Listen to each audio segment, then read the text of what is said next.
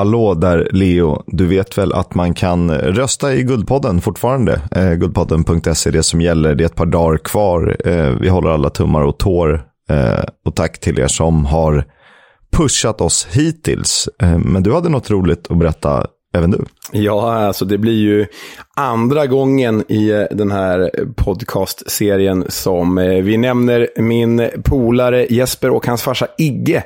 För det är nämligen så att vi har fått eh, eh, vad ska man säga, vårt första beundrarbrev, kanske inte vi ska säga, men vi har fått vår första beundrar-merch.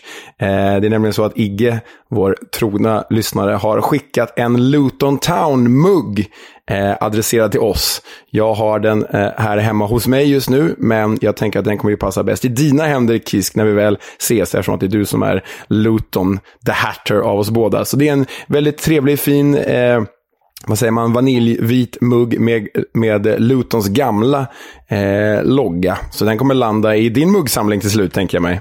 Jag bugar och bockar och eh, tackar för allt sånt där. Och sen dyker det upp lite titt som tätt folk som inte har upptäckt podden än. Men eh, har gjort det sent om sidor. Och det är fantastiskt roligt och vi kan bara fortsätta säga spread the word. Såklart. Ja. För vi vill att eh, vi ska bli så många som möjligt. Ja, eh, eh, verkligen. Men du, ehm, eh, jag har en annan grej jag vill ta upp här innan vi liksom går in på, går in på avsnittet ordentligt. Jag körde ju lite så här, sköt från höften i veckan Eh, och eh, körde en omröstning eh, på Twitter riktad till våra lyssnare.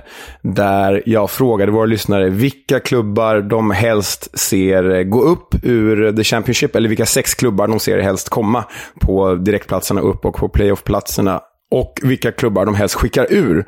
Och jag måste säga att jag blev ytterst förvånad av resultatet. Kan du inte dra det en gång till? För att jag gav mig aldrig in i den diskussionen. Jag hade inte tid att fundera. Nej, alltså så här. Jag sammanställde, det var ju hur många som helst som röstade. Det var ju väldigt roligt att se. Men eh, de populäraste klubbarna som folk helst vill ha upp, det är alltså Coventry och Blackburn fick eh, 13 röster var eh, i den här omröstningen. De, de eh, skickar våra lyssnare väldigt gärna upp. Eh, det känns ju som att Blackburn lever på liksom gamla Premier League-meriter där, får man väl anta i alla fall. Och det gör väl Coventry också med lite svensk koppling här, tänker jag. Ja, och så är det ju kul att folk faktiskt minns Coventry och, och eh, då hejar väl säkert på Jöckers också.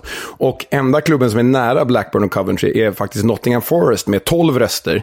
Och jag vet inte om det vittnar om att vi har faktiskt eh, några eh, äl något äldre med oss, eh, med tanke på att Forest är ju liksom Ja, det är ju en generation ovanför oss egentligen. Ja, det får man nog ändå säga. Men du, sen de som skickas ur, det är föga oväntat Peterborough. De fick eh, flest röster, åtta stycken eh, vill ha ur eh, Peterborough.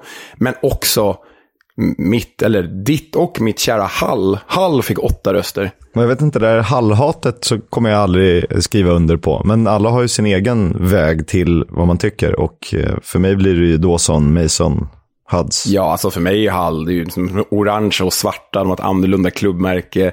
De har varit uppe, liksom överraskande, tagit sig till fa kuppfinal De har härjat i Premier League och varit ganska roliga där, åtminstone en säsong. Ah, Hall-hatet skriver jag verkligen inte under på. Sen verkar folk ogilla Cardiff också. Men det som slår en eh, väldigt mycket, det är att Ingen vill skicka upp Bournemouth. Inte en enda person vill skicka upp Bournemouth. Stackars Scott Parker. Han ser den här, eh, när det här resultatet presenteras för honom. Blöder i hans ögon säkert.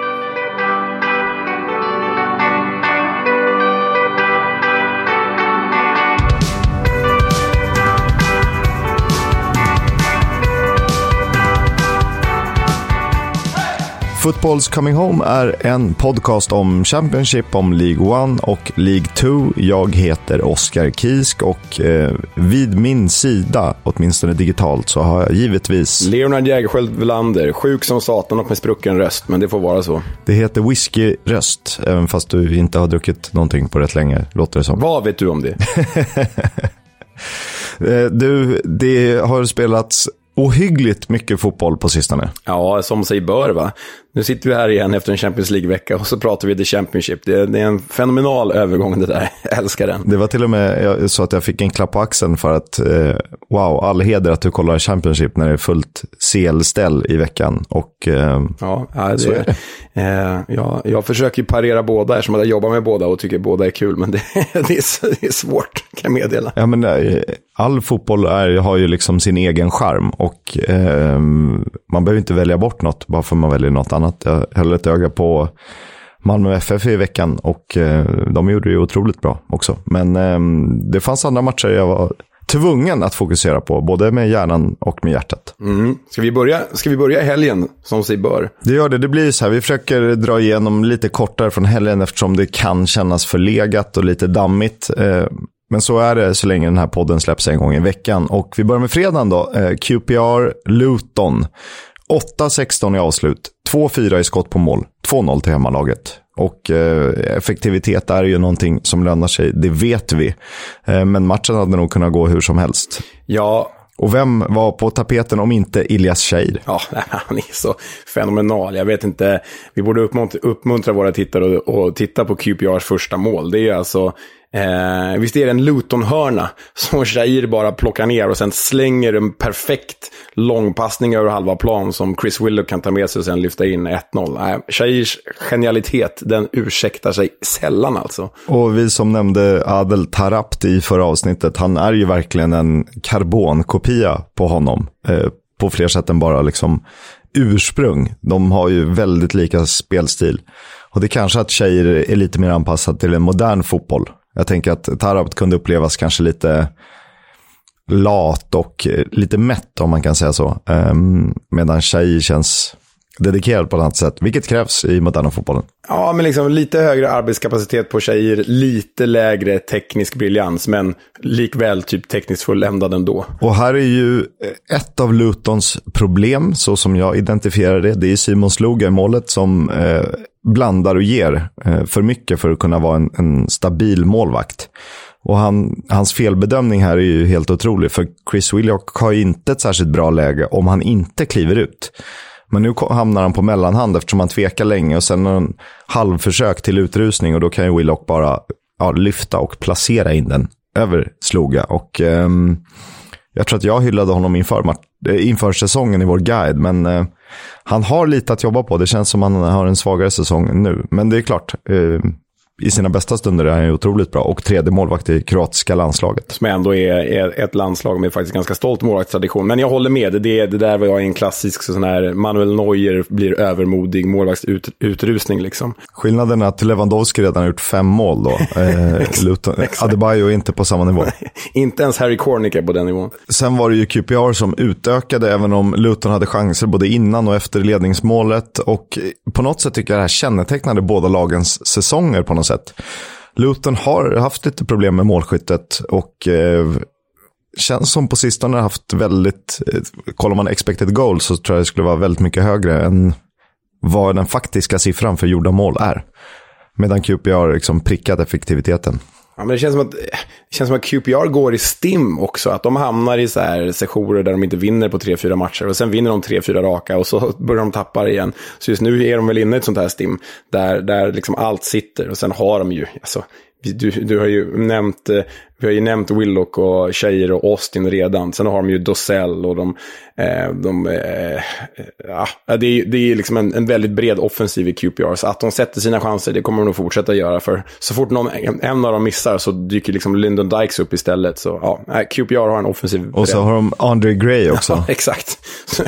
Som typ en tredje anfallare. Ja, det är starkt. Riktigt starkt.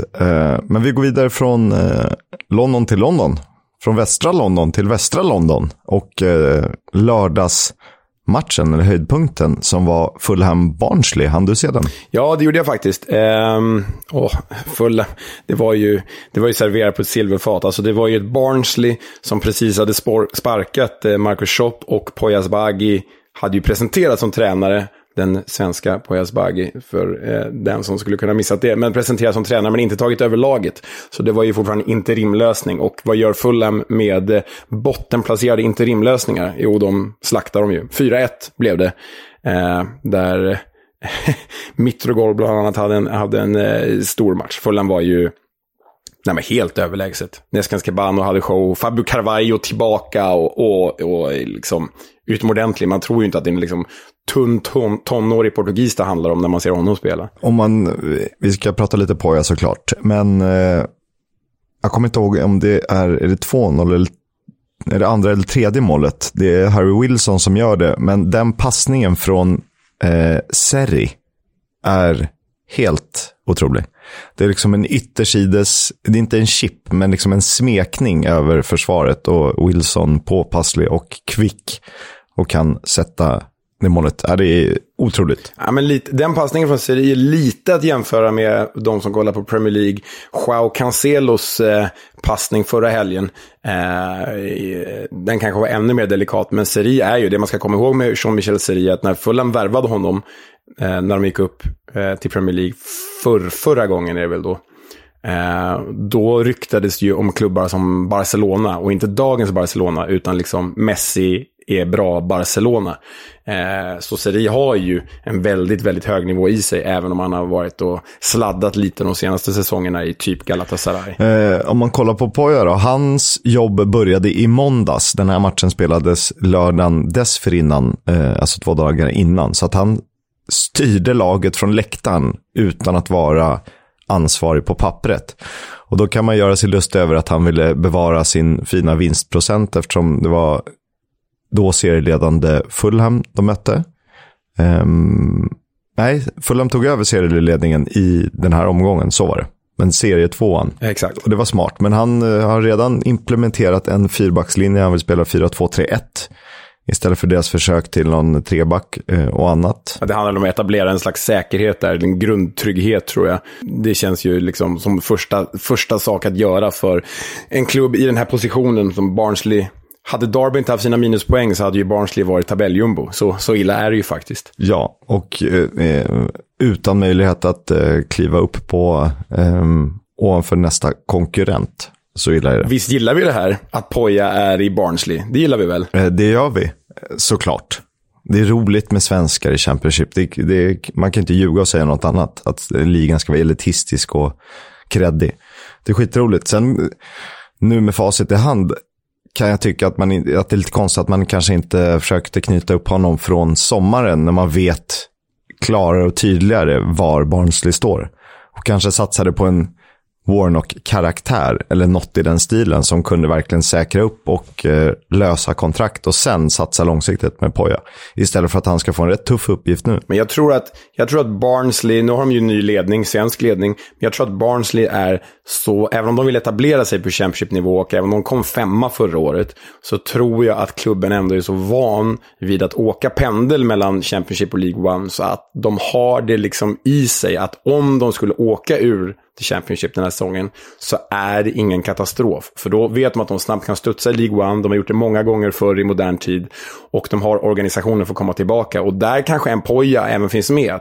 Det fin finns i avtalet här att du, även om vi åker ur så har vi förtroende för dig. För det här är ett långsiktigt projekt.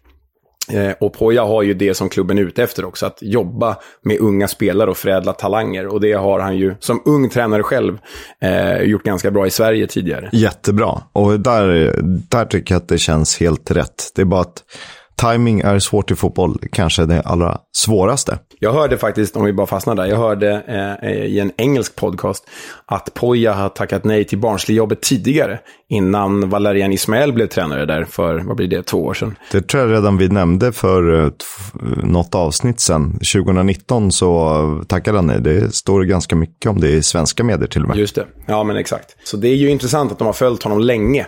Eh, eh, då är de ju liksom säkra på sin profil. Precis, eh, och det är fint ändå att de, man har velat ha dem tidigare, trots andra personer i, i, i styrande positioner. Men 4-1 blev det till Fulham som i och med det tog över serieledningen om en tillfället, men det skulle ju bli permanent. Vi går vidare till övriga matcher på lördagen. Det spelades ett mållöst svenskt derby Dock utan Robin Olsen. Han saknades på grund av en muskelskada. Eh, Victor Gyökeres spelade 64 minuter, men alltså ingen utdelning. Sheffield United, Coventry 0-0. Sen hade vi eh, Bristol City på Ashton Gate, tog emot Blackburn Rovers. Det slutade 1-1 efter att vem, om inte Ben Brereton Diaz, fixade poäng för gästande Rovers. Det är klart han gjorde och honom ska vi prata mer om. Eh, sen möttes Huddersfield och West Brom.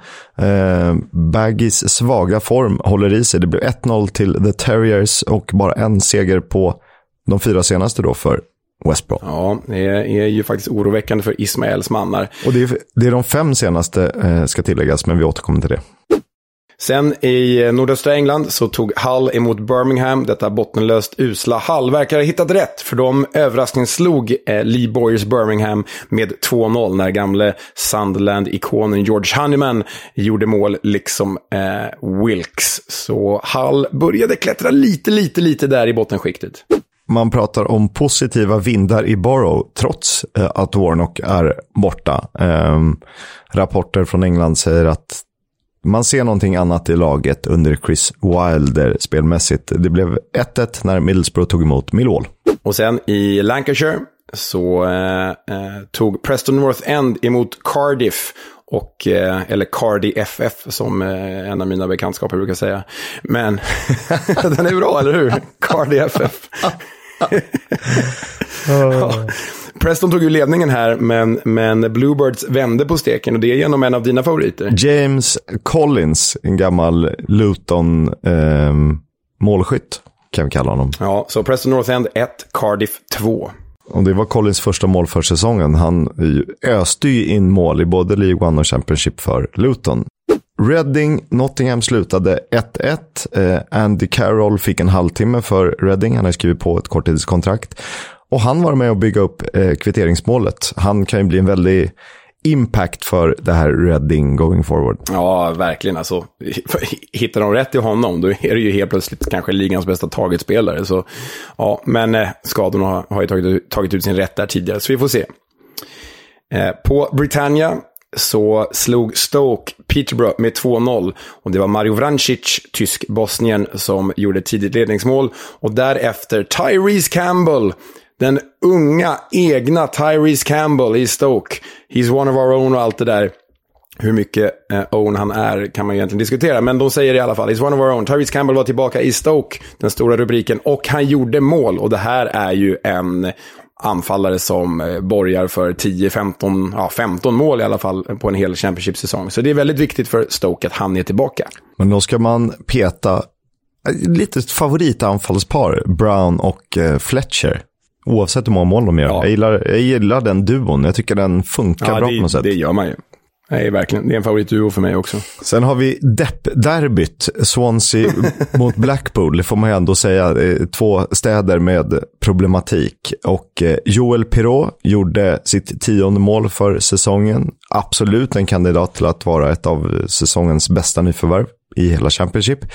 Men det mest anmärkningsvärda, och här måste vi stanna, Blackpool startade med 11 engelsmän. Ja, det är fan, det är, det är otroligt. När, när har det hänt senast på sån här hög nivå i, i England? Det, det, borde vi eh, kolla upp till, till nästa episod, för det, det är sanslöst. 11 engelsmän. Ja. Det är inte ens irländare och skottar, utan det är 11 engelsmän. Inga walesare, ingenting. Jag, för jag kollade, det var några lag har ju, kan ju stoltsera med helbrittiska eh, startelvor. Men eh, här var det bara engelsmän. Och det vi får ge dig uppgift till oss själva till nästa vecka att kolla upp eh, när start, hände det senast. Och det kan ju ha varit ett tag sedan, men nej, i, moderna, i modern tid kan jag inte se det ha hänt. Och sen hade vi då skrällen för omgången. Derby mot då serieledande Bournemouth. 3-2 på Pride Park. Och du eh, kollar på den här matchen, Oskar? Eh, det gjorde jag. Jag såg nästan hela. Och det ska ju föras inför den här omgången var Bournemouth serieledare, men inte inför matchen, för då hade ju Fulham gjort vad de ville med Barnsley. Och eh, det här resultatet är väl anledningen till att vi älskar The Championship. Det skilde alltså 43 poäng på 17 omgångar mellan lagen inför matchen. Och jag vet, det är poängavdrag, men ändå. Eh, och Darby blev ju ganska nyligen av med ytterligare poäng. Och om jag räknat rätt så måste de snitta en och en halv poäng per match för att nå det som räckte till att vara kvar i Championship förra säsongen, alltså 44 poäng. Och det ska de göra på 28 matcher. Ja, du, spelar de så här så vet du fan, de kanske gör det helt plötsligt. De kanske gör det. Nej, det är klart det är fysiskt omöjligt. Men, men Derby är ju, sett till det de egentligen har spelat in, de är ju ett mittenlag med ligans absolut sämsta förutsättningar. Så nej, det är imponerande. Och de vänder ju underläge här Ja, dessutom. och de fortsätter att göra fina insatser. Jag, liksom, hur mycket poängavdrag ska krävas? Vad ska krävas för att de blir dåliga? Ja, men det är helt eh, otroligt. Eh, Jason Knight gjorde 1-0 efter ofokuserat Bournemouth-försvar på en hörna och sen vände det. Jadon Anthony, när Darby gjorde, jag vet inte vad, på en inspark. Det, det måste man nästan titta på. Och därefter Dom Solanke till 1-2. Och vad behöver man när serieledarna har vänt? En lagkapten. Tom Lawrence. Har du sett 2-2 målet? Det är eh, riktigt snyggt. Ja, det är så jäkla snyggt. Ja, vänder och vrider och bara usch, in i bortre. Ja, det är snyggt. Och sen är jag ju lika säker från 11 meter. Det var 3-5 i skott på mål, men matchen slutade 3-2. Det är det som räknas. Eh, Den här moralen när man som jumbo besegrar en inför omgången serieledare som är kanske ligans jämnaste och mest stabila lag egentligen. Ja, nej men det är, det är otroligt. Det säger ju lite om Bournemouth också, att de tappar ju poäng mot lag på undre halvan. De, de har liksom inte så, så stora problem mot lag på övre halvan, men när de möter Derby och liknande, då tappar de poäng. Jag menar, deras första förlust var väl mot Preston North End, va? om jag minns rätt. Exakt, det stämmer. Så ja, där kan man ju sätta lite frågetecken för någon slags nonchalans eller hybris i Bournemouth-läget. Men, men, nej men Derby, det är så imponerande. Och dessutom i den här matchen så utgick väl Sam Baldock skadad också. Så jag menar, en av deras panikvärvningar som redan är over the hill utgår skadad i en trupp som knappt har några A-lagsspelare och ändå slår de Bournemouth. Nej, det är, ja, hatten av Wayne Rooney. Och när vi har chansen, när du nämner Wayne Rooney, det var ju otrolig timing. Eh, det pratas ju om Steven Gerrard till Liverpool på sikt. Han är precis klar för Aston Villa. Om vi kollar Premier League. Manchester United har Michael Carrick som interimtränare tills vidare. Jagar helt andra namn, men förr eller senare måste ju, och fortsätter Wayne Rooney vara så här bra och göra så här stordåd med i princip ingenting så är det oundvikligt att han landar där. Med risk för plattfall naturligtvis. Ja, och då skulle det sägas att han hade en sån här redig fylleskandal inför säsongen också, där han, ja, men, där han fotograferades på något hotellrum med tre kvinnor som monade honom och allt det där. Vi gick igenom det i början av säsongen, men, men han har liksom hämtat sig från det och mitt i den här brinnande konkursen som Derby är så gör han det så bra. Nej, alltså det är klart att han är ett namn för ett Everton eller vad som helst på sikt, så är det ju. Vi traskar vidare till veckoomgången och börjar såklart med tisdagen. Och eh, det gjordes hiskeligt låga fyra mål på fem matcher, varav tre av de målen var i samma match. Och eh, den... Deppigt, så här säljer man inte in, så här säljer vi inte in vår liga, Kisk. Nej, men det, det finns så många andra värden att eh, ta med sig. Jag, jag kollade 180 minuter fotboll i, i Championship veckoomgången. Det blev ett mål tror jag. det är fan, det är dedikerat. Blackpool West Brom 0-0. Det var den tredje raka utan seger för Baggies och de har väl bara vunnit en av de fem senaste matcherna då. Mm, Man undrar ju vad det är för pyspunka där. Har Ismael redan tröttat ut sin, sitt manskap? Det där känns ju faktiskt oroväckande för West Brom som ju borde vara på samma nivå som Bournemouth och Fulham. Sen var det ju Coventry-Birmingham, också mållöst i West Midlands-derbyt. Eh, ja, eh, den fick jag äran att titta på tänkte jag säga. Och jag tycker ju att Coventry dominerade stora delar av matchen. Eller de gjorde det. Eh, jag tycker att de ser bättre ut. Och Victor Gyökeres gör ett otroligt jobb på topp. Han river och sliter, skapar ytor, kan liksom ta emot men han kan sticka iväg. Eh, han är en fin anfallare. Jag tycker dock att han, domaren var lite snål med frisparkarna åt eh, vår gode svensk. Det är väl klart att jag blir partisk här. Men otroligt nyttig som uppspelspunkt, både smart och stark. Eh, men jag tycker att det blir ett problem här för att Coventry lider av att eh, Gyökeres ska göra typ allt i offensiven. Han ska ta emot bollen, fördela den, hitta ny position och sen är det han som måste smälla in den. Ja, och han har inte gjort mål, vad är det? Sju raka nu har han inte gjort mål på, va? Ja, och han, och han är ju, man kan ju vara bra utan att göra mål som anfallare, så, är- så funkar ju fotboll. Men eh, här finns ett litet problem tycker jag.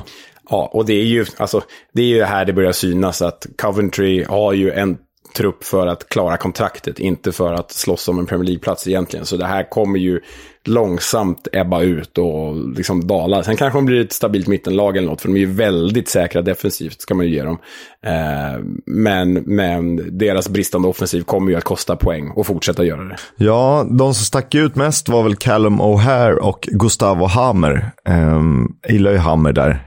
Ett rivjärn på mitten, men ändå med liksom kvalitet att kunna spela fotboll. Han har väl dragit på sig typ åtta gula kort den här säsongen. Ja, jag, jag, såg, jag såg faktiskt statistik på det. Rekordet för antal gula kort en Championship-säsong, det är 15. Det är det mesta man har tagit. Och Gustavo Hammer, om jag kommer ihåg rätt, har till och med dragit på sig 10 så här långt.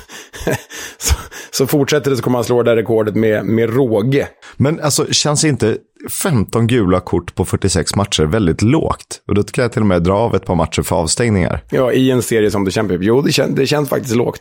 Men, men... Så antingen är Championship hård, men tillåtande. Vi såg ju, ja, vi ska återkomma till eh, satsningen under onsdagen, men... Eh, det kanske är så, att det, det är mer tillåtande. Ja, jo, det är, den stereotypen stämmer väl faktiskt. Men, men han kommer nog slå det där rekordet, den gode vad är han, holländarbrasse är han väl?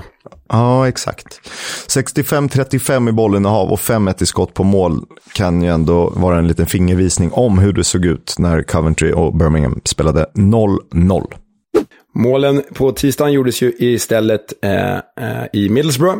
Där hemmalaget förlorade mot Preston North End med 2-1. Och man får säga att Chris Wilders start i Middlesbrough, även om det pratas om positiva vindar, har ju mynnat ut i blott en poäng på två matcher. Så det känns ju inte, och två hemmamatcher dessutom skulle sägas. Så det känns ju inte som en, den superstart man hade tänkt sig i alla fall. Skyller er själva när ni låter Neil Warnock gå. Verkligen. Nottingham Forest mot Luton blev också 0-0 och eh, Luton spelade 30 minuter med en man mer och hade en straff, men lyckades ändå inte få hål på Bryce Samba i Forest-målet. Eh, Jack Colback fick se det röda kortet efter Eh, har gjort två mål på de fyra tidigare matcherna. Ja, och det här är väl liksom... Både Nottingham och Luton har ju, aspirerar ju ändå på playoff-platser, så att de luggar varandra på poäng är kanske inte så oväntat. Och sen då över till The Royals och Reading som mötte Sheffield United den här gången, också utan Robin Olsen. Wes Fodringham stod i mål för The Blades. Och The Blades höll nollan och vann med 1-0. Olsen är enligt Jokanovic borta ett par veckor. Ja, det kan. Eh, jag tror inte han är redo till helgen. Och petar man Fodderingham efter två raka nollor? Ja, det, det vette tusan. Det där är ju läskigt alltså. Men det stora grejen var ju faktiskt inte Fodderingham här, utan det var ju ytterst dramatiska scener när skotten John Fleck i Sheffield United kollapsade på planen. Ni vet, ett, eh, ja, ett eh, Fabrice Mwamba och eh, Christian Eriksen kollaps liksom. Eh, och det var väldigt läskiga bilder, men eh, han är nu utskriven från sjukhuset så här ett par dagar senare och har återvänt hem. Så han lever och mår bra i alla fall, vilket eh, vi får vara glada över, John Fleck. Det är det viktigaste såklart. Det var Jadon Bogle som gjorde målet för Sheffield United. Och om vi eh, kikar mot onsdagen så kan vi ju glädjas åt att Poya Asbaghi har gjort sin första match som tränare för Barnsley, som tog emot Swansea, men det blev 0-2. Eh, Olivier Encham och Jamie Patterson målskyttar. Encham med också en målgivande passning. Det hade även Joel Pirro. Ja, det här, det är klart att man hade hoppats på en bättre start för Poja och eh, Barnsley. Men Swansea när de är bra är ju väldigt svåra och Barnsley är ju ett prekärt läge. Truppen är tunn och det har ju liksom inte riktigt satt sig. Och det kommer ju ta tid. Så länge de ger Poja tid så han kanske inte klarar kontraktet, men han kommer ju sätta ett bättre spel. Men det jag fastnade på här, såg en statistik att Swansea slog, hör och häpna, 811 passningar den här matchen. Och Kyle Norton, denna relativt begränsade ytterback, gjorde alltså, slog alltså fler passningar än hela Barnsley tillsammans. Ja, det är ju talande för Barnsleys situation och för Swanseas ambition. Och Poya Asbaghi pratade efter matchen om hur han ville att laget skulle formeras. Han var nöjd med defensiven i första halvlek och en bit in i andra halvlek och han tyckte att det kändes tryggt och det var lite det viktigaste. Men han sa också rätt roligt, of course, if I was a person sitting next to the TV watching the game, I would fall asleep. Vilket också är talande för hur de ville inleda, eller hur han ville att sitt nya Barnsley ska inleda den här sessionen. han är smart som flörtar med fansen på det sättet också, det är roligt. Men det är ju, har vi sett tidigare, att vilja bygga bakifrån för att Exakt. hitta stabiliteten. Annars var det ju eh, match på Ewood Park. Blackburn tog emot Peterborough och eh, det blev ju väldigt starka 4-0 för hemmalaget där både Pickering och Darrell Lenihan gjorde mål, men även Ben Brereton Diaz som satte inte bara en, utan två strutar. Mål 15 och 16 för säsongen. Eh, och eh, han knappar in på eh, Alexander Mitrovic. Mm. Det blir en härlig duell att följa det där engelsk-chilenaren mot serben. Det gillar vi ju. Det gillar vi absolut. Eh, Bristol City mot Stoke var onsdagens tv-sända match. Det kan man ju undra varför och eh, det gör vi alla. en herre med namn Tyreek Baconson avgjorde matchen för Bristol City som jag tycker ändå hade rätt mycket flyt med resultaten även om det inte saknades chanser. För mig blir Bristol City rätt så här intetsägande som lag. Det behöver inte vara en tråkig klubb eller någonting. Eller ska man kalla dem liksom svårdefinierade? Jag vet inte riktigt vad de vill åstadkomma. Eh, Stoke är ju ändå Stoke Alona för oss. Ja, men Bristol City, jag har ju en liten vurm för dem. Eh, som grundar sig i att de, de och Brighton and Hove Albion, de var ju liksom på samma nivå, samma klubb när, de, när Brighton var nere i Championship och båda liksom jagade den här Premier League-platsen. Och båda spelade väldigt progressiv fotboll, båda spelade fin fotboll. Eh, Eh, och det gick också bra, bara det att Brighton lyckades ta det sista steget, vilket Bristol inte gjorde. Men Bristol var och nosade på de här playoff-platserna, nosade på upp uppflyttning och slog ju faktiskt ut Manchester United för fyra fem år sedan där i, i ligacupen var det väl, eller FA-cupen, efter en, efter en, liksom en rättvis seger. De slog ju United rättvist. Eh, men har ju sen tappat riktning helt och det, alltså, nu, nu sa ju Astrid Ajdarevic i förra avsnittet att Nigel Pearson är en god gubbe, men han är ju en liksom, tränartroglodyt. Det är ju stenåldersfotboll. Och då, då, då hamnar man på undre halvan i The Championship idag. Eh, så är det. Så Bristol har ju liksom gått vilse någonstans som klubb eh, och som projekt, tyvärr. Det har de, men tre poäng tog de. Jag tycker dock att Stoke hade både spel och avslut för minst en poäng. Bland annat en, eh, en rätt kraftig nick i ribban av Fletcher, Steven Fletcher, som bildar anfallspar med Jacob Brown och eh, de två är att gilla. Sen gillar jag också Josh Timon, vänsteryttern, som är liksom definitionen av vad en ytterspringare ska vara i Championship. Kan göra det osannolika och slå tunnlar och hitta på någon fint, men har inte riktigt den jämna nivån för högre höjder. Nej, men de, man gillar ju de där aviga, aviga yttrarna. Det, ja. Som, som Jamie Patterson fast inte jämn liksom. Exakt. Sen hade vi då eh, Hull på besök i Cardiff. Cardiff eh, mäktade med att göra noll mål och Hull tog sin andra raka seger. Och därmed har de klättrat upp från nedflyttningsplatserna till våra lyssnares stora förtret som vill skicka ner The Tigers. Men till din och min stora glädje, Kisk. Evil Laughter.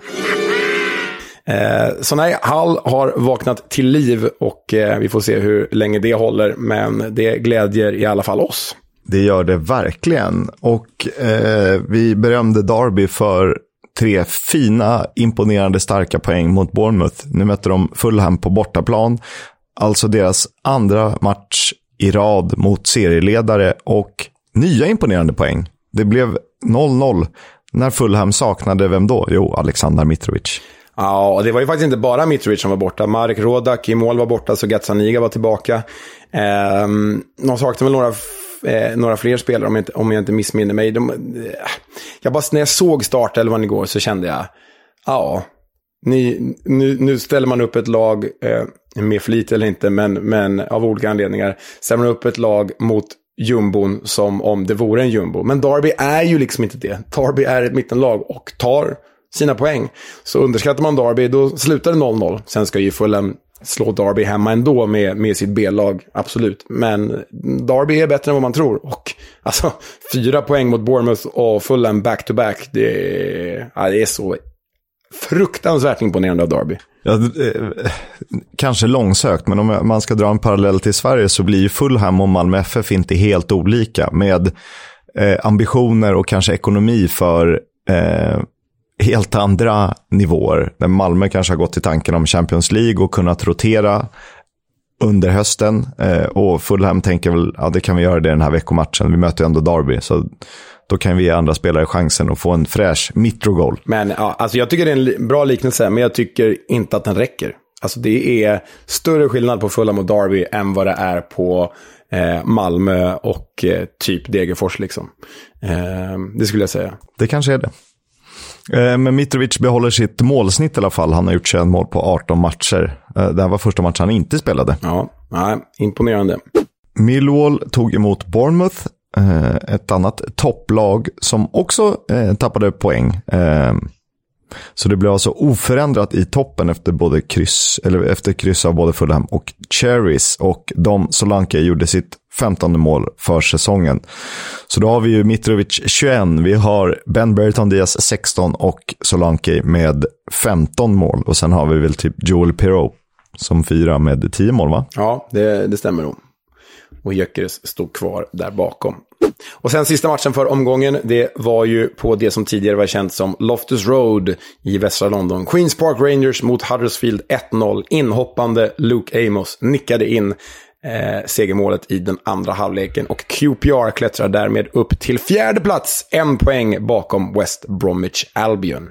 Ni kan ju hitta tabellen själva snabbare än vi hinner läsa den, så det är dumt att rabbla. Men jag tycker ändå det är rätt intressant, för det finns rätt tydliga skikt i den här tabellen. Du har ju tydliga toppduven Fulham Bournemouth.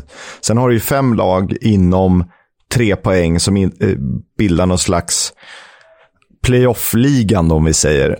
Bakom dem har vi Huddersfield, Swansea, Millwall som verkligen känns som utmanare. Som eh, på sikt kan komma dit, men de stöter alltid på något hinder. Och sen har vi ju menlösa mitten, fast som inte är menlös såklart. Men då är det vi Blackpool 11 ner till Bristol City på 18 plats. Där skiljer det två poäng. Och så har vi liksom typ i botten med Hull Cardiff. Och sen har vi, borde åka ur, Reading, Peterborough. Och så har vi Barnsley och Derby. Och Derby har en poäng. Derby har en poäng. Det sjuka är att om det här fortsätter så kommer ju Derby gå om typ både Barnsley och Peterborough. det, kanske, det kanske inte räcker, men de skulle kunna gå om Barnsley och Peterborough faktiskt. Ja, och säg att de tar... Man får ju se det här på typ 6-7 omgångars sikt eftersom det är så tajt matchande. Men någonstans framåt mitten, slutet av januari, om de fortsätter spela så här bra mot alla lag så kommer ju poängen trilla in. Och förstå om de kan ha plockat 12, 14, 15 poäng då på hur många matcher det nu blir. Och så är man helt plötsligt upp och nosar och får känn. För då är det ju eh, status quo igen på något sätt. Då spelar det ingen roll vad man har gjort tidigare eller hur många eh, poäng man har fått i avdrag. Nej, nej, verk, nej, exakt så är det ju. Och liksom tittar man här på hela det bottenskiktet från Hall på 19 plats ner till Darby på 24 plats och tittar på målskillnaden, det gillar jag att göra, så ser man ju att Hull, Reading och framförallt Derby hör ju inte hemma i det där skiktet med den målskillnaden. Hull har minus 8, Reading har minus 7, Derby har minus 2. Medan de andra då, Cardiff har minus 14, Barnsley har minus 18, Peterborough har minus 31. Det är ju, det är ju kanske den verkliga bottentrion. Och det ska tilläggas, eh, det kan vi prata lite mer om, Reading har ju fått 6 poängs avdrag. Så annars hade de ju tillhört mittengängen om vi kallar dem det. Exakt. Have you not been watching? I haven't! Eh, en snabb titt ner i League One-tabellen och eh, glädjande nog leder Victor Johanssons Rotherham League One efter fyra segrar och två kryss på de sex senaste. De har dessutom en match mindre spelad än tvåan Wickham. Ja, och kul där var ju att eh, Victor Johansson var ju tillbaka i målet. Han har ju suttit på bänken de senaste matcherna. Men nu i veckan så var han tillbaka. Eh, stod i segern där. Och övriga svenskar noterade att Joel Mumbungo fick starta för Accrington Stanley när de torskade. Eh, Benjamin Kimpioka alltjämt eh, borta från A-lagsspel i Sunderland. Och Pontus Dahlberg satt av oklar anledning på Doncasters bänk. Så kan det vara. Eh, lite tråkigare nyheter då. En Luton-supporter, Brian Rourke, blev allvarligt misshandlad i samband med fredagens match mot QPR. Och enligt engelska tidningar ska 52-åringen blivit påhoppad eh, helt slumpmässigt egentligen av QPR-supportrar och ligger nu i koma med livshotande skador. Ja, det är fan för jävligt. Alltså, eh, allt, all sån här skit måste bort och fördömas och försvinna. Det är helt för jävligt och oförsvarbart och hoppas de hittar de jävlarna som låg bakom det här. Reading fick i förra veckan 6 poängs avdrag på grund av brott mot EFLs ekonomiska regler där man över fyra säsonger gått med nästan 700 miljoner kronor i förlust. Man riskerar ytterligare 6 poängs avdrag om man inte kan lösa en bra affärsplan till nästa säsong. Och där är det ju, liksom får de ytterligare avdrag, då känns det ju väldigt jobbigt för Reading. Annars eh, borde de ju kunna klara sig, känns det som.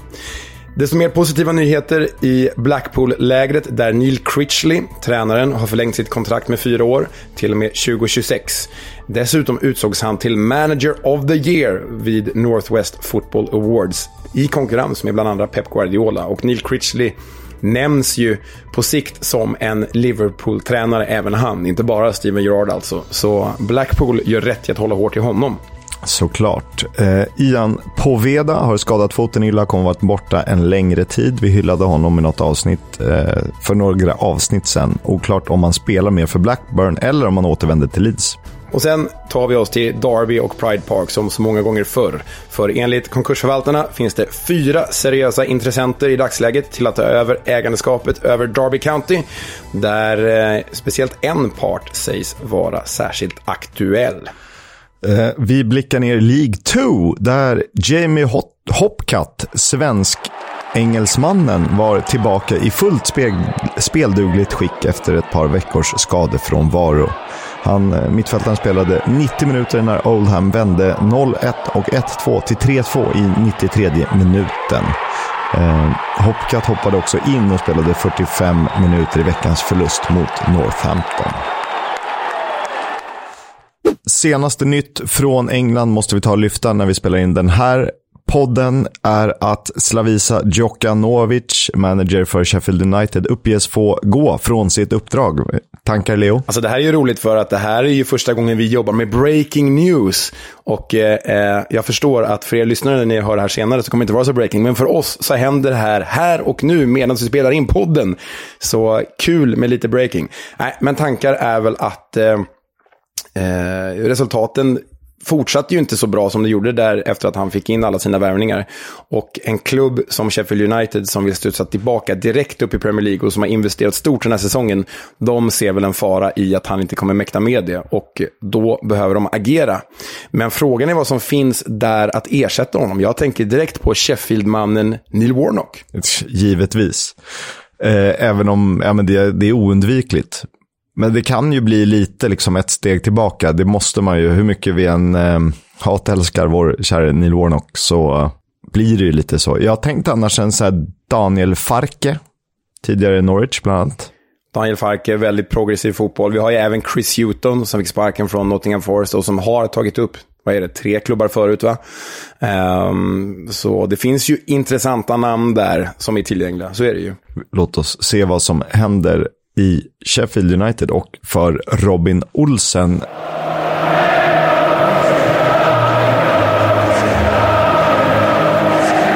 Footballs Coming Home sponsras av Stryktipset, ett spel från Svenska Spel, Sport och Casino. För dig över 18 år. Stödlinjen.se. Ja, vi pratar för lite League One säger ni. Nu är det dags. Match 13 på kupongen i helgen är Plymouth Argyle mot Wigan Athletic. Toppmöte i League One på kupongen och ett klassikermöte för alla oss anglofiler.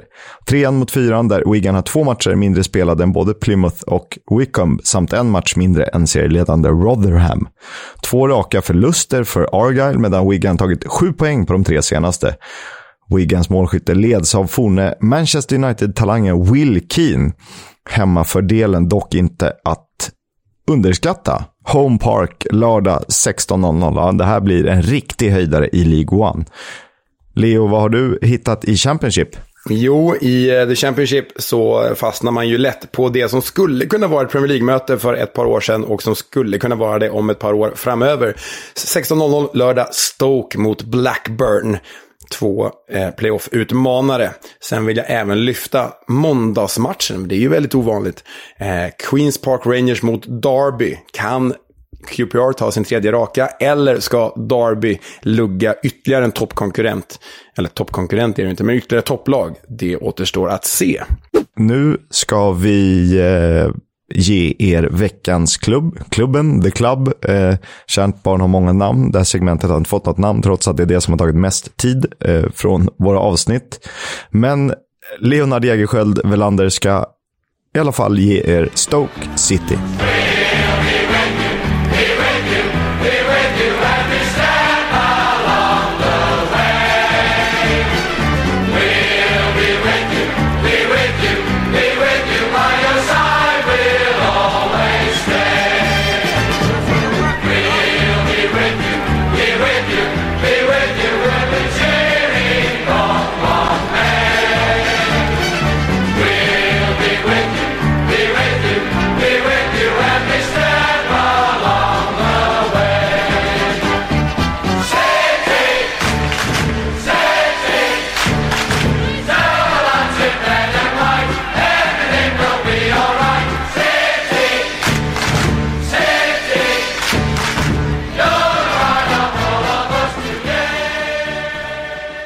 Nu undrar säkert många vad det är som pågår. Vad tusan pågår? Varför spelade inte Leo Tom Jones Delilah?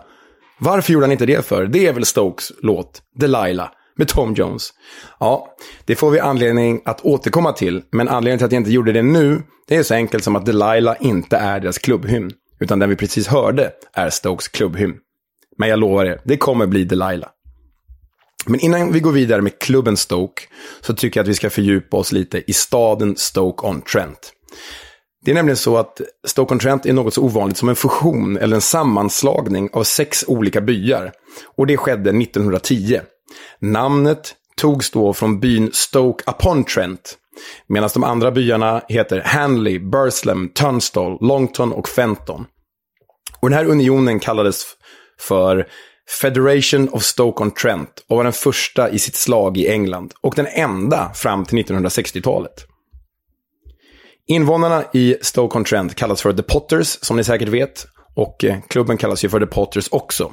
Tack vare den porslinsindustri som växte fram i byarna på 1600-talet. Englands porslinscentrum. Men det har ju också förekommit, som överallt annars i princip, gruvindustri i området. Och du har ju varit i Stoke-on-Trent, eller hur? Ja, det är ju faktiskt så att en av mina senaste fotbollsresor före pandemin, eh, det var ju just Stoke-on-Trent i januari 2019. Det var så att min polare och jag, vi flög till Manchester, som sig bör, där vi också bodde, för att sedan ta tåget till Stoke. Vi sov alltså inte över i Stoke som Jonas Dahlqvist gjorde, vilket han berättade häromveckan. Men eh, från Manchester tog vi tåg Eh, förbi klassisk fotbollsmark. Vi, man åker förbi både Stockport och Macclesfield på vägen till Stoke. Och väl framme så tog vi oss till närmsta bästa pub. The White Star. Och vi kände oss, Kisk, vi kände oss så oerhört exotiska. Här kommer två svenskar. Vi har tågat in till djupaste, mörkaste, innersta England för att kolla på Stoke mot Leeds i The Championship. Men Ja, så jäkla exotiska var vi inte för så fort vi hade beställt varsin pint så var det liksom fem, sex svenskar runt omkring oss. Liksom svenska The Potters, typ fem, sex gubbar som, som var riktigt sugna på engelsk fotboll också. Så eh, vi trodde att vi var liksom Joseph Conrad i Mörkrets hjärta, men istället var vi bara två av åtta svenskar på plats på den där puben. Precis som det blir i, eh, när man åker och kollar fotboll i England. Ja, och det, det har ju sin charm och eh, det har ju sin raka motsats till det också. Men det var faktiskt jäkligt kul att dricka bärs med de där gubbarna. Men ja, pinten på The White Star före match rekommenderas i alla fall. Men det tråkiga med Stoke som fotbollsupplevelse, det var ju Dahlqvist inne på när han var här. Det, det var liksom arenan. För trots genuiniteten jag kände i Stoke och den blekfeta tandlösheten som man möttes av överallt och liksom tatueringar upp i nacken och sådär, så ligger ju arenan med namnet Bet365 en jäkla promenad från centrum. Och man gillar ju att promenera före match, men arenan ligger liksom ute vid en parkering och ett köpcentrum typ. Ah, uh. Men utöver det måste jag säga att Stoke levde ju verkligen upp till myten om sig själv. Det var så sjukt bra stämning. Men jag får anledning att återkomma till den matchen, för det är mycket senare i kronologin. Det som hände när vi liksom kom till arenan, det var att vi noterade att Stokes fotbollshistoria handlar väldigt mycket om Sir Stanley Matthews. Och honom tänkte jag prata lite om nu. Han står ju staty utanför eh, deras arena. De flesta av våra lyssnare känner säkert till Sir Stanley Matthews. Högerytten som nämns som en av Englands och världens bästa spelare någonsin. Trots att han faktiskt bara representerade Stoke, Blackpool och Toronto City. Sir Stanley Matthews är den enda spelare att adlas medan han fortfarande var en aktiv spelare. Dessutom var han den första spelaren någonsin att vinna årets europeiska fotbollsspelare, alltså typ Ballon d'Or, samt Football Writers Association Footballer of the Year. Och eh, Sir Stanley Matthews gick under smeknamnet The Wizard of Dribble och The Magician. Och han slog igenom i sin hemstad Stoke. Han föddes i Handley, en av byarna i Stoke-on-Trent, och eh, spelade som ungdom i eh, Stokes lag fram till 1932 då han debuterade för A-laget. I Stoke City blev det totalt 19 säsonger, 1932 till 47 och 1961 till 65. Och den som är snabb på sin matte förstår ju att han var jäkligt gammal när han slutade spela fotboll.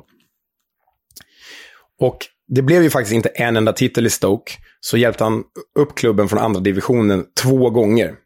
Den efterlängtade titeln för, Stan, för Sir Stanley Matthews kom istället under hans 14 år långa sejour i Blackpool, där han vann FA-cupen 1953. The great little wizard has it again. A flick to centre finds Perry, who crashes it home into the Bolton net. Blackpool 4, Bolton 3. There's no doubt about it now. Matthews, recently ignored by the England selectors, is the man of the match. What a great reception he gets from all at Wembley as the whistle goes. Matthews in his third cup final is the hero of the day. Men nog om Blackpool, det får vi ju återkomma till ett annat avsnitt. Sir Stanley Matthews spelade alltså fotboll tills han var 50 år gammal. Då i Englands högsta division för Stoke. Du, det är rätt imponerande siffror, Kisk. Ja, jag har ju 15 år kvar dit, men känner redan att kroppen börjar eh, tacka för sig. Varje konstgrästräning gör ju att man har något ont en vecka efteråt. jag får typ ont av att sitta i sängen där jag spelar in det här avsnittet. Så, så är det. Men det finns faktiskt fler internationella legendarer i Stoke, mer än Sir Stanley Matthews. Och en av dem är ju Gordon Banks. Målvakten som sägs ha gjort världens bästa räddning genom tiderna. De flesta av er har säkert sett den. Mot Pelé i VM 1970. Gordon Banks spelade i Stoke mellan 1967 och 1973. Där han stod i mål i över, 100, i över 200 matcher till och med. Och eh, han vann faktiskt ligacupen med Stoke 1972. Stokes första titel. Wow! Stoke, på vägen till final, lyckades slå ut både Manchester United och West Ham och i finalen ställdes de mot Chelsea på Wembley. En final som Stoke vann med 2-1. Wembley Stadium and two First Division giants. Chelsea on the left meets Stoke City for one of the big football battles of the season, the League Cup final. Gordon Banks, one of the world's top goalies, certainly had his time cut out in this game. And 35-year-old George Eastham slams one in to put Stoke City into the lead again. For the team and the fans, it's a great moment. The score, Stoke 2, Chelsea 1.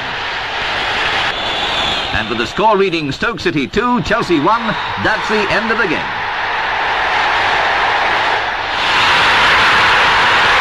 For Stoke City, this is a very special match, not only because they won the League Cup final, but also this is their first major trophy in 108 years. Stokes första titel på 108 år. Och ja, sedan dess har ju faktiskt prisskåpet ekat ganska tomt. Det är rätt många stora klassiska klubbar som inte har mycket att stoltsera med. Som ändå har en plats i våra fotbollstittarhjärtan. Ja, verkligen. Alltså Stoke har ju en extremt gedigen historia med, med Sir Stanley Matthews och Gordon Banks. Och upp och ner från högsta serien liksom. Men ja, det är en svingammal klubb och så har de en ligacuptitel. Men ja, det är ju tuff konkurrens liksom. Men bara fyra år efter ligacuptriumfen så ramlade Stoke ur högsta serien. Och även om det innebar ett par jojo-säsonger så inleddes en ganska tuff period för The Potters. För 1985 ramlar de ur högsta serien igen. Och då återvänder de inte förrän 23 år senare. Säsongen 2008-2009 när de går upp i Premier League. Men vi ska inte gå händelserna i förväg än. Vi stannar till på 90-talet. Eh, 90-talet var nämligen väldigt jobbigt för Stoke. Klubben eh, besökte flera lägre divisioner och eh, hade faktiskt eh, Chris Kamara av alla människor som tränare ett tag. To Fratton Park where there's been a red card, but for who, Chris Kamara? I don't know, Jeff, has there? I must have missed that. Red card. Chris, have you not been watching? I haven't. I don't know where that's come from, Chris. I have no idea what has happened there. What's happened, Chris? Uh, I don't know. Det här klippet är ju uppe där, kanske topp 5, topp 10 av de absolut bästa fotbollsrelaterade klipp någonsin. Eh, hela det här, det känns ju som att det är världens två bästa skådespelare som eh, spelar mot varandra i det här. Men de gör allt så naturligt på ett eh, härligt, eh, oförberett sätt. det är helt fantastiskt. Ja, det är faktiskt ett fenomenalt klipp. Men jag tycker det säger rätt mycket om Stoke, att de var på den nivå att de tog Chris Kamara som tränare. Chris Kamara är en fantastisk fotbollspersonlighet, men det där klippet säger ju allt om att han kanske inte ska vara tränare i en fotbollsklubb. Liksom. Precis, precis så är det. Men efter Chris Kamara så fick Stoke isländska ägare. Det skedde vid, vid millennieskiftet. Och därmed blev Stoke den första isländskt ägda klubben utanför Island. Och det gick i och för sig inte spikrakt uppåt, men islänningarna låg i alla fall bakom anställningen av Tony Pulis 2002. Men Pulis lyckades inte ta dem upp till Premier League den gången. Istället fick han sparken av islänningarna 2005. Men fick återvända till klubben när klubben fick en ny ägare i Peter Coates, 2006 alltså. Peter Coates är ju Bet365s grundare för övrigt, så där fanns det ju pengar. Och Pulis tackade för förtroendet genom att föra upp Stoke till Premier League året därpå. It's a generation without top flight football, and it is about to come to an end.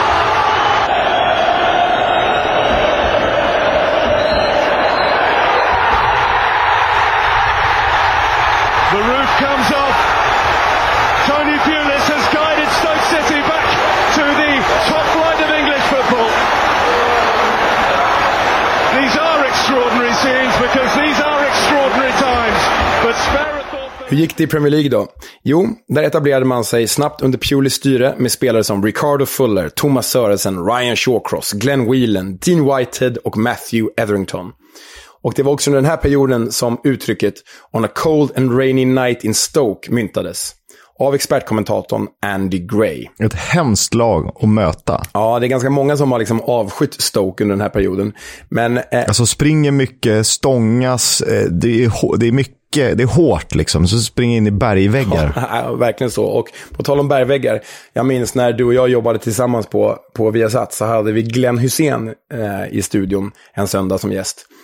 Och han pratade Liverpool då och så frågade vi honom eh, vilken, vad tycker du att Liverpool behöver värva? Och då sa han, och vi behöver värva en spelande mittback. Jag gillar Stokes och Ryan Shawcross. och det är liksom så långt ifrån spelande mittback man kan komma. Där och då kanske han var ganska mur. spelande. Jämförelsevis. I alla fall om man jämför med Sotirios Kyrgiakos i Liverpool kanske. Ja. Men det var också under den här perioden som en regndränkt och förbittrad Arsène Wenger i överdimensionerad vinterjacka blev frustrerad gång efter gång på Britannia Stadium. I believe that uh, it's a kind of nights where you are angry because uh, not only did we not score with the number of chances we had, uh, we made stupid mistake uh, centrally. First by losing the ball and after didn't defend properly on the goal. And on top of that, I think as well, uh, we're unlucky with some decisions from the Men höjdpunkten, förutom återkomsten till Premier League då, under Pulis-åren, det var FA-cupfinalen 2011 mot Manchester City. Stokes första FA-cupfinal någonsin. Och de åkte till Wembley med ett jäkla klassiskt gäng. Det är Thomas Sörensen, det är Ryan Shawcross, det är Robert Hoot, det är Jermaine Pennant, det är Rory DeLapp, det är Kenwin Jones och det är Jonathan Walters. Och därtill med sina röststarka fans och Tom Jones.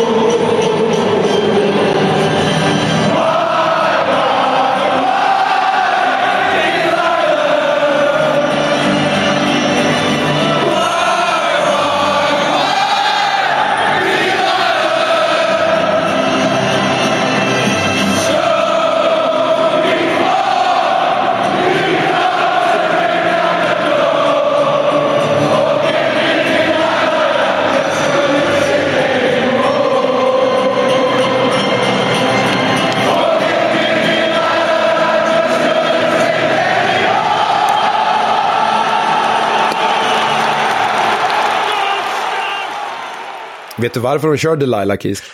Jag har läst det här någon gång, eller hört det. Och jag tror att det var ett gäng supportrar som stod och sjöng ramsor som kanske inte är helt kosher. Och eh, någon polis säger åt dem, sluta gärna med det här. Och någon av supportrarna får den briljanta idén att vi eh, sätter på en jukebox och så är det Delilah och så börjar de sjunga med.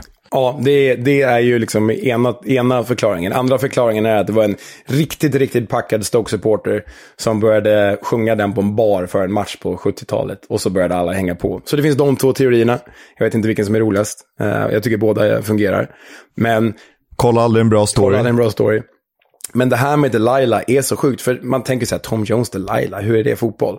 Men ta mig tusan så det är fot- som det är fotboll. När vi var där 2019 och de kör den som inmarschlåt och hela arenan, alltså varenda kotte, typ 25-30 000 när vi var där, kör Tom Jones Delilah. Och ni hörde ju själva i klippet från fa Cup-finalen. Det är så magiskt bra. Det är en av de bästa ståpälsupplevelserna jag haft på en fotbollsläktare. Det, det rekommenderas att åka till Stoke bara för att höra den inmarschlåten. Men finalen ja. Stoke förlorade ju mot Manchester City med uddamålet. Och även om Pulis tog klubben till final och, och etablerade dem i Premier League så lämnade han 2013. Eh, det här med musik på läktare är ju rätt intressant, för det finns ju så många olika varianter på ramsor, eller hur du väljer att en sång ska äntra läktaren. Men jag blir rätt fascinerad över det här, när du tar en sång som den är och bara applicerar den i ett läktarsammanhang. Av dem, Can't Help Falling in Love With You, som Sunderland kör, Delilah, eh, You've Lost That Loving, loving Feeling, Forest, eh, vad har vi mer? Millwall, Rockin' All Over The World. För det är något annat än att ta en låt och så skriver man om den med sin egen eh, text. Ja, man, claim, man Eh. claimar liksom en riktig låt. Ja, jag fattar vad du menar. Och det, och det blir... Blue Moon, Manchester City, Liverpool, You Never Walk Alone måste ju nämnas om vi ska upp lite. Ja, Hey Jude också om vi ska upp. Alltså det är ju, jag håller med. Jag, ty, jag tycker det är en, det är en, det är en intressant förete- företeelse, men också ofta väldigt bra företeelse. Det blir liksom allsång på fotbollsmanér typ. Ja, jag, kan inte, jag vill grotta ner mig mer i det här, men det är ett ganska smalt och tunt ämne. Till och med för smalt för den här podden och det säger mycket. Eller så är det ett specialavsnitt för den här podden. vi kanske får återkomma. Vi kanske det är. Vi får fråga er lyssnare vad ni eh, vill höra. Mer musik eller mindre musik? Ja, skriv till oss. Jag blir sugen i alla fall. Ja, men när Pulis lämnade, då kom Mark Hughes in istället som manager. Och det kan ju kännas förlegat idag. Men då, 2013, så var, hade han ändå starkt renommé. Han hade kommit sexa med Blackburn i Premier League. Han hade tränat Manchester City. Och han tog dem till Stokes bästa placering sedan 1975. Nia i Premier League. Och han tog dem till nionde plats tre säsonger i följd. Stoke blev liksom Premier Leagues Örebro typ. Men Hughes skulle ju liksom modernisera Stoke också. Så Stoke gick ju från det här stenålders Stoke med Pulis och det var tufft att möta och Crouch till att bli Stoke Alona. Stoke förändrades lite grann. Hughes ville ha lite mer progressivitet in i laget och man värvade ju liksom ja, namnstarka spelare, inte bara Peter Crouch, Sheridan Shakiri, Mark Moniesa. Och faktum är att ett tillfälle så hade Stoke fler Champions League-finalister i sin trupp än vad Barcelona hade. Man hade då Mark Hughes, Sherdan Shakiri, Mark Moniesa, Marko Arnautovic, Steve Sidwell, Bojan Kirkic och Peter Crouch. Alla som hade spelat Champions League-finaler. Och när man pratar Peter Crouch så måste man ju minnas det här målet. Crouch. Crouch. Oh, what an effort! That is just sensational! Var det inte till och med så att Stoke hade flest Champions League-medaljer i truppen i hela Premier League vid ett tillfälle? Att de hade typ, vilka var det då? Shakiri, Muniesa, Arnautovic, Jo, jo. Kirkic, eh, om det var någon mer. Eh, närmsta Så var det ju. konkurrent hade typ fyra och de hade fem. Jag fattar ju vad de gjorde. De värvade ju- de plockade ju spelare från övre hyllan, men det var ju spelare som inte riktigt platsade på övre hyllan. För även om alla de här hade spelat Champions League-final eller varit med i Champions League-finaltrupper, så var de ju bänkspelare där. Förutom, det är väl Peter Crouch var den enda som inte var bänkspelare i, i det Liverpool han representerade. Alla andra var ju, Xherdan Shaqiri satt ju på bänken i Bayern München, Muniesa på bänken i Barcelona, Arnautovic på bänken i Inter och så vidare. Så de siktade högt, men kunde inte ta de högsta liksom. Och det här straffade sig ju. För istället för att gå framåt efter de där tre raka niondeplatserna så gick Stoke bakåt. Eh, och de degraderades till slut efter tio raka år i högsta serien. Så åkte de ner till the Championship. Och väl nere i andra divisionen så har de ännu inte tagit sig tillbaka. Trots att de är inne på fjärde året nu i the Championship. Även om vi gillar att ha dem här så vill de ju faktiskt upp igen, förstås. Men du, inte en sån här eh, klubbberättelse utan att prata om svenskarna. Det är inte så många. Ja, vilka två har spelat i Stoke? Senast eh, var ju John Guidetti som var på lån från Manchester City. Det stämmer. Och innan det så var det ju en härlig gammal stöt som efter x antal år i IFK Norrköping gick till Stoke Ja, för City. fan, har du läst på eller? Ja, vissa saker kommer man ihåg. Jag, det här var i något sammanhang jag gjorde en, eh, jag lät eh, gamla profiler lista sina favoritelvor genom tiderna i eh, allsvenskan då. Det var tre Stockholmsklubbarna, Göteborg, Malmö och Norrköping. Och eh, jag tror att han var med i diskussionerna. Den gode Mikael Hansson, även kallad Gädda. Exakt. Han gjorde ju 65 matcher i Stoke i eh, andra divisionen. Eh, kul för honom. Skadade sig dock så allvarligt under sin andra säsong så att eh, han fick lägga ner karriären. Men nu är han eh, någon slags hjälptränare i Norrköping idag tror jag. Han har varit typ players manager, det vill säga ja, lite all, allt i allo och en eh, härlig röst, en kompis eh, för spelarna. Men jag tror inte att han är kvar. Det var ju någon omorganisation där alla spelare krävde att han skulle vara kvar, men styrelsen ville ha bort honom och, för de ville spara pengar och spelarna ville gå ner i lön. Jag tror att han tränar någon eh, klubb i, i någon lägre division i Jaha. Östergötland. Panggäst då, bara bjuda in Mikael Hansson och snacka Stoke millennieskiftet. Det, det eh, kanske vi gör någon dag. Dröm. Men det var det. Det var det jag hade att säga om Stoke. Det var inte så lite. Vad, eh, kort då. Åka till Stoke-on-Trent och kolla fotboll, ja eller nej? Absolut, definitivt. Man får köpa att arenan ligger lite off. Allt, annars, allt annat var liksom så jäkla genuint. Topp eh, tre fotbollsupplevelser jag haft i England ändå. Vilka är de andra två? Queens Park Rangers och... Eh, Okej, okay, det blir nog topp två fotbollsupplevelser i England. Ah, nej, men Newcastle också. Newcastle. Men Newcastle vill jag inte rekommendera längre av andra, andra anledningar. Man kan aldrig rekommendera Newcastle. nej.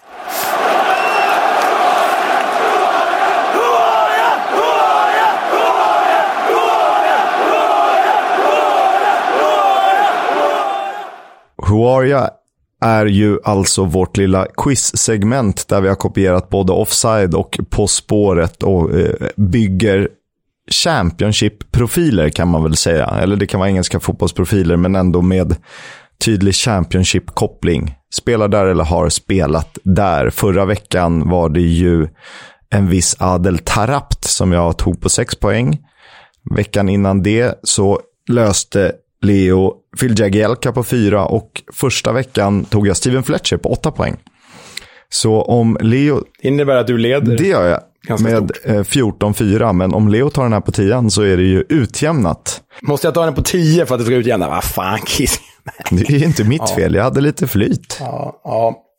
Vi får se. Känner du, du dig redo? Aldrig, men jag har väl inget val. Och det funkar ju så här, för att ni lyssnare ska få höra alla ledtrådar, så säger Leo stopp och så skickar han svaret till mig privat. Uh, så röjer vi inga, uh, ingenting. Är du redo? Jag är väl det. Vi kör. På 10 poäng. Alla vägar bär till Rom, sägs det. Men vissa vägar bär också till Amman. Alla vägar bär till Rom, men vissa vägar bär till Amman. Alltså Amman är ju Jordanien. Um, är liksom, spelar på eh, Allam, Allam i, i Hall här.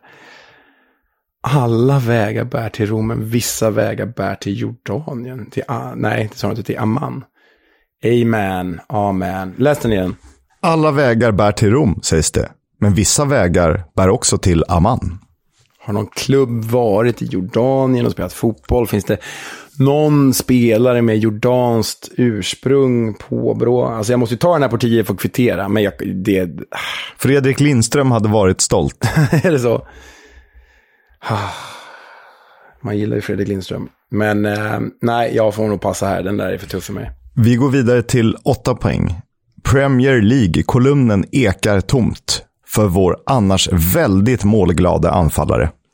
Premier League-kolumnen ekar tomt för vår annars väldigt målglada anfallare. Och då måste man ju tänka på anfallare. Det betyder kanske att han inte har... Det kanske betyder att han... Han kanske har varit i Premier League men inte gjort mål i Premier League. Så kan det ju vara. Eh, kan jag ju säga att du har helt rätt när du tänker så. Och då måste man ju börja tänka, vilka har gjort många mål i The Championship men inte nätat i Premier League? Man tänker ju direkt på typ så här. Jordan Rhodes, har han varit i Premier League? Jag tror inte det. David Nugent har ju öst, öst, öst in mål. Men har han gjort liksom mål i Premier League? Läs den igen så får jag lite mer betänketid här. Premier League-kolumnen ekar tomt för vår annars väldigt målglade anfallare. Och jag kan ge er den lilla ledtråden att ja, han har spelat Premier League, inte gjort mål där, men han vet hur man gör det i Championship. Alltså jag är rätt säker på att David Nugent har gjort mål i Premier League.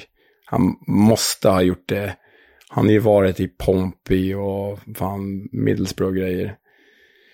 Ehm, Jordan Rhodes har inte ens varit. Och vilka Grant Holt gjorde mål, vilka Lambert gjorde mål. Nej, jag får passa. Går till sexan. På sex poäng då. Han har varit traktorpojke, uggla och kringresande i ett tidigare liv, men är nu återigen en terrier. Okej, då spelar han ju i, i Huddersfield. Vilka anfallare har Huddersfield då? Tänk om det är Jordan Rhodes och jag har bara gjort bort mig nu. Att, att han har varit i Premier League. Tänk om det är... Vad spelar Jordan Rhodes? Han spelar... Ah, ah, fan om det är det, då skulle jag tagit den på åtta. Läs den en gång till. Jag måste bara tänka vilka anfallare som finns i, fi, finns i, eh, i där. Han har varit traktorpojke, uggla och kringresande i ett tidigare liv, men är nu återigen en terrier. Alltså alla de stämmer ju in på, stämmer ju in på den spelaren jag, ja, jag låser in. Det stämmer in på den här spelaren jag skriver till dig nu. Ja, och nu fattar jag 10 poängen också. Mycket, mycket bra. Mycket, mycket bra Kisk. Ja, Jag har fått ett svar från Leo på 6 poäng. Jag kommer inte säga något mer än så, utan vi traskar vidare. Då. 4 poäng. Har gått upp från Championship två gånger, men bara tillhört en Premier League-klubb. Född i England, men varit skotsk landslagsman efter att ha bott i Skottland, tack vare pappa. ja jag känner mig väl, väldigt säker. Tar vi två poäng, utan att jag sjunger. Take me home. to the place I belong. To the gal farm. To see the hudders. Take me home. Jordan Rhodes. Exakt. Fan, jag hade den ju på åtta ju. Åh, vad irriterande. Jag tänker att du, hade jag kört sport på spåret eller fotbolls på spåret, den jag hade velat ha med är ju Leonard Egerskiöld Welander för att han kan allt och ingenting om allt och ingenting. Men vi ska ge er svaret då. Alla vägar bär till Rom sägs det, det vet ni, men vissa vägar bär också till Amman. Amman är huvudstaden i Jordanien. Jordanien heter Jordan på engelska och vägar roads. Jordan Roads. Ah, nej. Åh, det är så bra. Det är så bra, Kisk. Den, det är bästa skrivna ledtråden hittills i Så de här att, avsnitten. eh, jag tar ju På spåret med mig när jag gör det här och jag tycker att det är självklart när jag har skrivit det. Och tänker man lite sådär så förstår man det, men jag fattar att det är svårt. Så jag vill ändå börja lätt för jag tänkte, sånt här kan du. Ja, det där var ju, det där var ju otroligt bra. Och det blir så snöpligt, för jag är ju, jag vet ju att Amman är Jordaniens huvudstad. Det vet väl ändå inte alla människor liksom. Åh, så klantigt. Jag vet ju också att du gillar geografi, så att... ehm, Ja, den här var extremt välskriven. Du borde nästan också- få bonuspoäng för det. Typ. Och också vägar och roads, där tycker jag att du borde eh, tänkt eh, till lite. Ja. Eh, åtta poäng då. Premier League-kolumnen ekar tomt eh, för vår annars väldigt målglade anfallare. Och det var ju som jag sa, han har ju spelat Premier League-fotboll eller liksom eh, tillhört. Ja, vilken klubb, var han upp, vilken klubb var han uppe med? Han var uppe med... Han gick upp med Middlesbrough, men gjorde aldrig någon mål där. ah, Han eh, var utlånad till Norwich när de vann Championship 18-19. Och sen gick han tillbaka till Sheffield Wednesday innan han i somras skrev på för Huddersfield. ja, det är ja, bra. Snyggt. Sen då, han har varit traktorpojke, uggla och kringresande i tidigare liv, men är nu återigen en terrier. Terrier, alltså The Terriers, Huddersfield Town. Traktorpojke, Ipswich Town. Eh, han har varit en uggla, Sheffield Wednesday. Och han har varit en kringresande, Rover, Ja, just det. Snyggt. Mycket bra. fritt Snyggt. översatt. Den är, den är svår ändå, men eh, så är det. Har gått upp från Championship två gånger, men bara tillhört en Premier League-klubb. Den förstod ni. Eh, skotsk landslagsman var han. Hans pappa spelade fotboll i Skottland, så att han har ju gått i skola där och blev således tillgänglig för Skottland, som han representerat vid ett gäng tillfällen, typ 14 eller något sånt där. Sen är ju sången som Huddersfield sjunger Take me home Jordan Roads to the place I belong to the gal farm to see the Hudders Take me home Jordan Roads. Ja, nej. Eh, sex poäng in på kontot där och vad blir det? Det blir alltså 14 till dig och 10 till mig efter två omgångar var. Och kanske jag vaskar nästa omgång bara för att du ska få komma ikapp. Nej, nej, det tror jag inte. Ja, men det där var roligt. Det var en eh, riktigt bra 10-poängare. Och från Jordan Rhodes så måste man väl gå vidare på veckans Warnock. We'll have a chat about the fucking game. About your game, last few months, last few weeks. Fucking character. Fuck! Veckans Warnock är eh, en historia om Warnock snarare än från Warnock. Det är gamla målvakten Paddy Kenny som berättar lite roligt om vad han har upplevt under Neil. Och eh, det är en rätt rolig situation när han först hyllades av Warnock för en liten spelartunnelfight med Kevin Muscat. Sen kallades, han, sen kallades han in till domaren, fick rött kort. Och då fick han skit av Warnock för hur han hade betett sig. And um, there was a, another story about him um, when uh, you you were you kind of stuck up stuck up for some of your teammates against uh, against Mill, oh, was it Wolves or was it Millwall? Millwall, that Yeah, was yeah, Sheffield yeah. United, yeah. So had a little bit of a ruck with uh, Kevin Muscat in the tunnel. Used to what- have a tear at me. uh, and uh, basically goes back in change rooms. It's all kicked off. All lads have backed me up, and back, like you do. Goes back in changing rooms, and uh, he's. He's asking what's gone off. Chris Morgan's saying, "What's gone off with back padding?" He's like, "I love all that paddy fair play to you. Stick up for yourself and all this lot." Next thing, referee calls us into his office, and uh, and there was Dennis Wise and Muscat in, in, in, the, in his office, and he's gone, I'm afraid to say I'm going to have to give you a red card, you a red card. Oh, wow. So we've gone back each other, I've sat down, and I, I can't even say how he said it because the language, he just sat there and he's like, basically told me to get out of his way and go get in shower because I make him feel sick. I'm like, you were just saying brilliant for back, you said up two minutes ago. And then that next thing, he's doing his team talk, I'm sat in shower like out of me own. Oh, class. Ja, det känns ju, känns ju så jäkla mycket Neil Warnock. Att liksom flippa sådär, eller ja, ge och ta. Det känns väldigt mycket Neil Warnock. Men också kul att kolla på det här klippet och se dels Paddy Kenny och Jimmy Bullard idag. Alltså, det, de ser inte ut som fotbollsspelare längre, så kan man ju säga. Nej, Pad- Paddy Kenny har lagt till sig med någon skön eh, pub, eh, ett pubutseende. Ja, men han ser ut som första killen i, i klacken som filmas vid måljubel. Liksom. Det, det är han nu med. Exakt.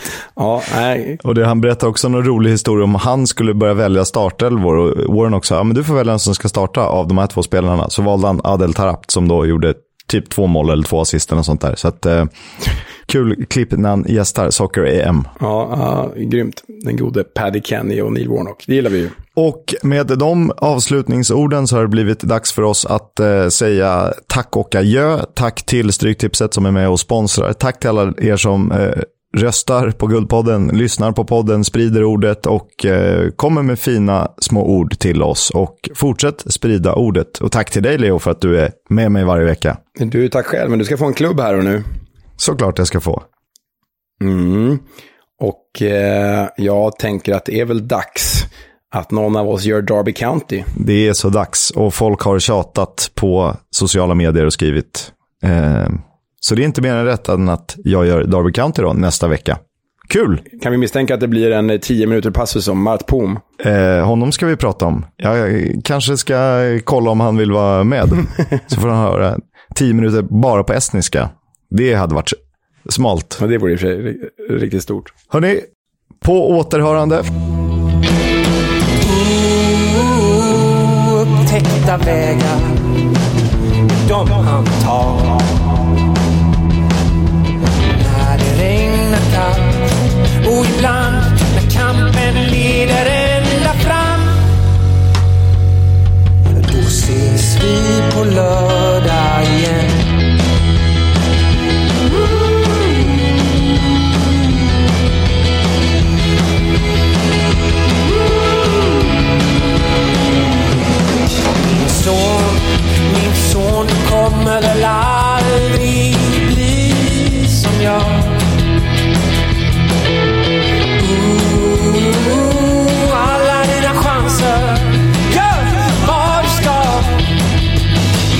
så regnar det kallt. Men till slut leder kampen ända fram. Hey. Oh, oh, oh. Då ses vi på lördag. Ses vi på lördag.